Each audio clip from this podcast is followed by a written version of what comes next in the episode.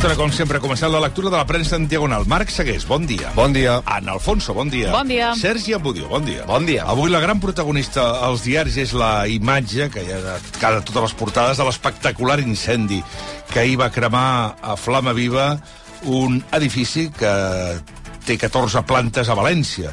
Les fotografies del veïnatge atrapat, l'estructura del bloc calcinada o la dels bombers de València intentant apagar les flames són avui, com dèiem, a totes les portades dels diaris. Sí, a la premsa valenciana, les províncies parla de tragèdia. El diari Levante ho bateja com una catàstrofe i la veu sosté que l'incendi va ser descomunal. La Vanguardia ho descriu com un incendi esfereïdor, que és la mateixa paraula que fan servir El País i La Razón. L'Ara opta per virulent i tràgic, mentre el periòdico diu torre mortal a València i l'ABC assegura que València està amb l'ai al cor per un brutal incendi. I l'altre tema del dia als diaris, sens dubte, és el cas Daniel Alves. La premsa destaca que la sentència de l'Audiència de Barcelona marca un abans i un després posant el consentiment al centre de la polèmica, però alhora subratlla que la pena és massa baixa. A la Vanguardia, Jordi Juan exclama «Doncs sí, tan cregut».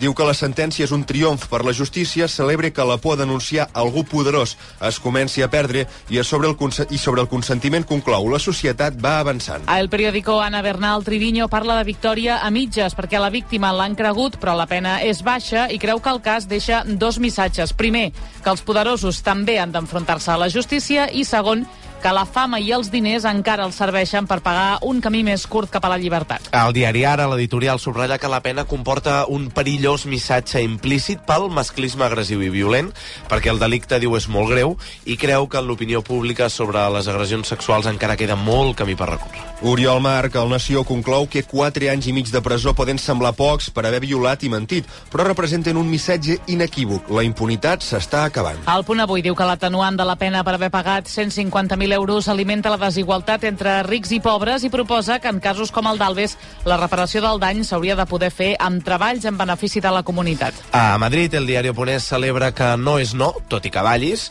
i destaca que els jutges desmunten els prejudicis masclistes tot i rebaixar la pena de presó a Alves. I a Público, Ana Pardo de Vera opina que, tot i que la pena sigui discutible, la condemna és un èxit perquè posa el consentiment al centre i demostra que els rics també violen. En canvi, la majoria de diaris de Madrid posen el focus en com la llei d'Irene Montero ha jugat a favor de l'exfutbolista del Barça. Sí, tant El Mundo com l'ABC i la Razón recorden que, tot i que l'han declarat culpable, Alves s'ha beneficiat de la llei del només sí és sí i ha aconseguit una condemna més baixa. Més enllà de la sentència a Dani Alves, els diaris de Madrid van a la seva i dediquen més pàgines que la resta a l'acusació de corrupció en recordem la compra de mascaretes de qui era assessor de l'exministre socialista José Luis Ábalos. Efectivament, el Mundo ho qualifica d'escàndol majúscul.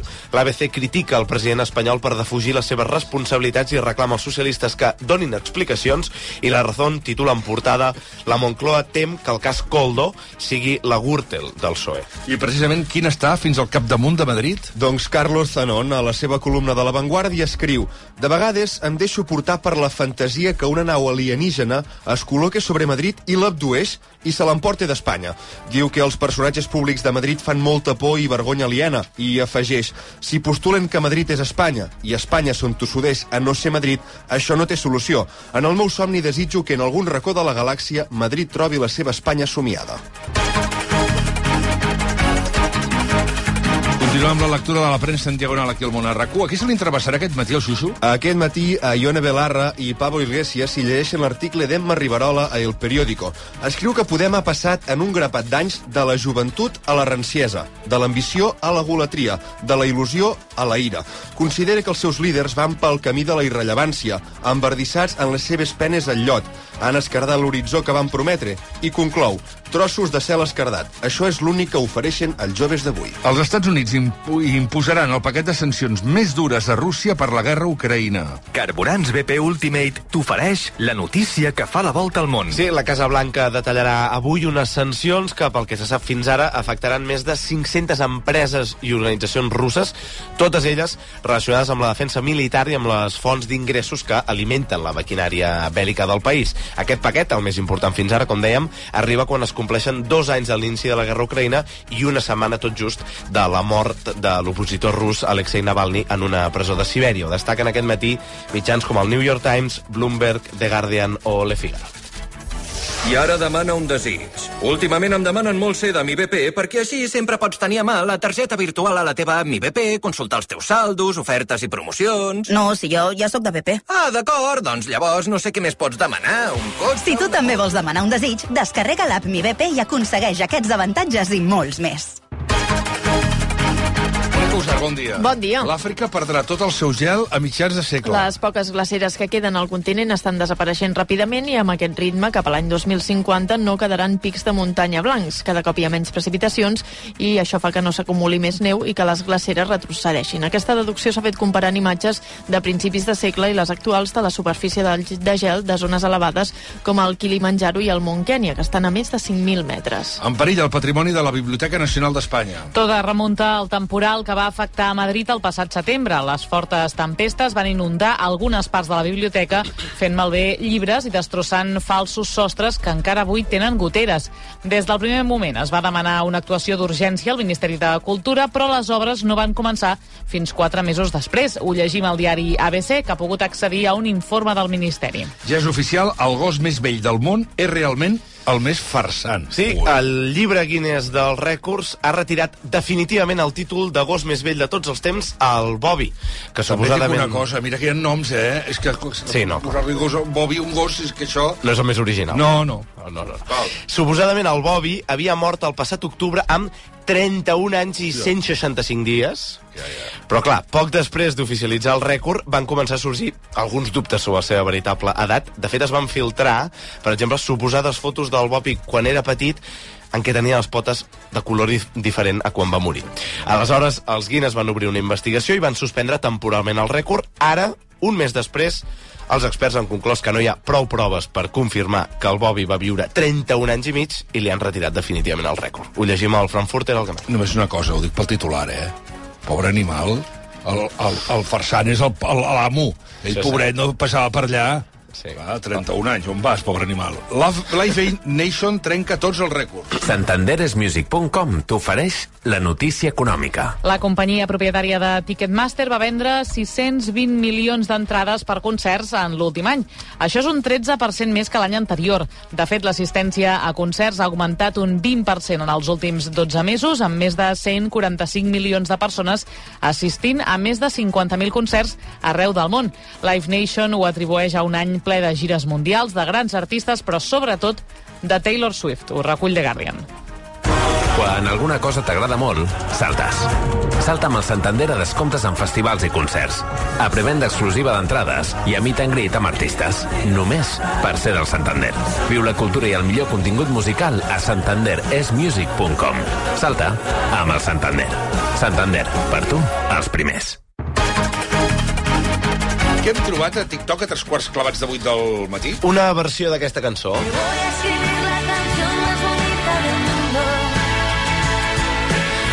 Així sonaria la playa de l'oreja de Van Gogh si fos en català. Jo t'escriuré la cançó més bonica del món i capturaré aquesta història en tan sols un segon.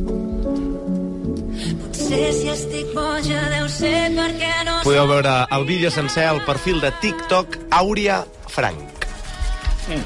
Fa moltes versions, aquesta noia, de Sí. cançons... Està molt bé. Com que sonarien en piano. Sí. Premsa esportiva, Albert Pedró, bon dia. Bon dia. Assistència sanitària. La dels metges patrocina aquesta secció. Atenció, perquè el càrrec de Rafa Márquez, el filial del Barça, penja d'un fil pel seu vincle amb el món de les apostes. El club creu que plou sobre mullat amb el tècnic mexicà. Segons el diari Sport, ja va haver-hi malestar quan Rafa Márquez va proposar-se com el relleu de Xavi Hernández i els seus anuncis amb cases d'apostes no han millorat la seva imatge. És per això que ara el Barça estudia no, reno no renovar-lo al mes de juny. En l'àmbit esportiu el club està content amb la seva feina, però aquests dos episodis han fet que eh, els qui s'estan han de decidir prendre la decisió sobre el seu futur s'estiguin plantejant canviar d'opinió i no renovar el tècnic eh, mexicà. La intel·ligència artificial sorprèn i vaticina que el Barça guanyarà la Champions. El pronòstic dona per fet que els de? Xavi Hernández, sí, sí, que els de Xavi Hernández eliminaran el Nàpols als vuitens de final i després preveu que eliminaran el PSG de Kylian Mbappé als quarts de final. Després vaticina que el Barça guanyarà el Real Madrid a les semifinals Hòstia. i que a la final de Wembley Xavi li guanyaria la partida al City de Pep Guardiola. Se'n fan ressò diversos mitjans. Ha fet la intel·ligència, l'ha fet a la porta. De quina asseguradora mèdica ets? Jo? De la dels metges. De la dels metges, és clar. Som de la dels metges. Assistència sanitària. Creada, gestionada, dirigida i recomanada per metges. Assistència sanitària. La dels metges. La notícia fric. Lloguer segur.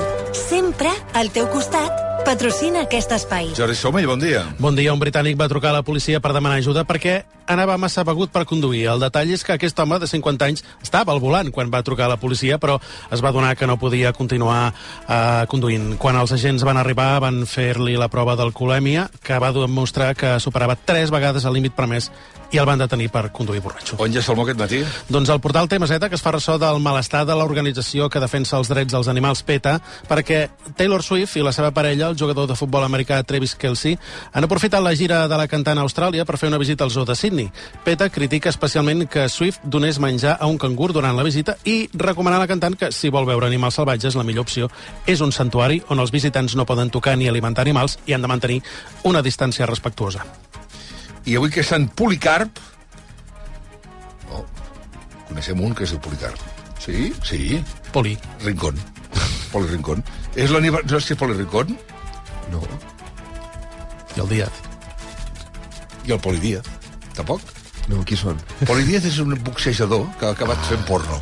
I el, sí, és que és així, sí, va acabar fent porno.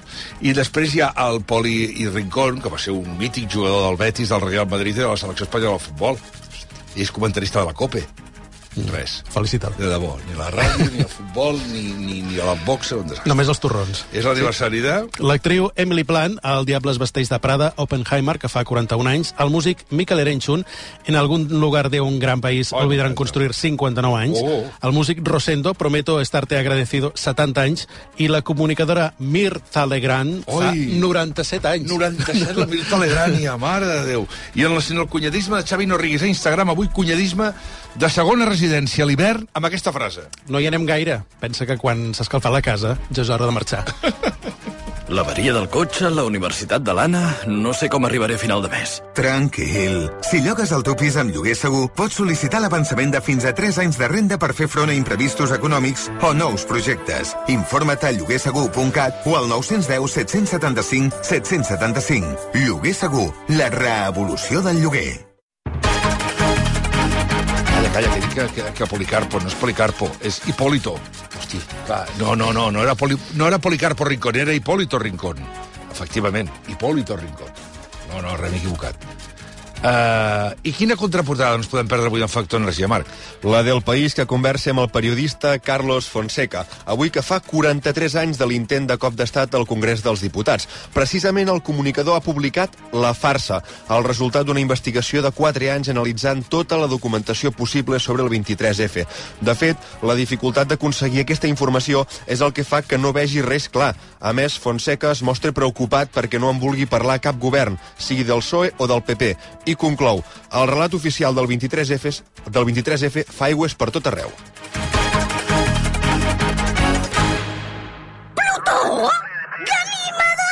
Para d'esperar que trobem un altre planeta. Instal·lem i financem i fins i tot paguem l'instal·lació fotovoltaica de la teva comunitat, unifamiliar o empresa. Suma't a l'autoconsum. Per fi hi ha un altre llum. Factor Energia. Empresa col·laboradora amb l'esdeveniment Barcelona Question Challenge.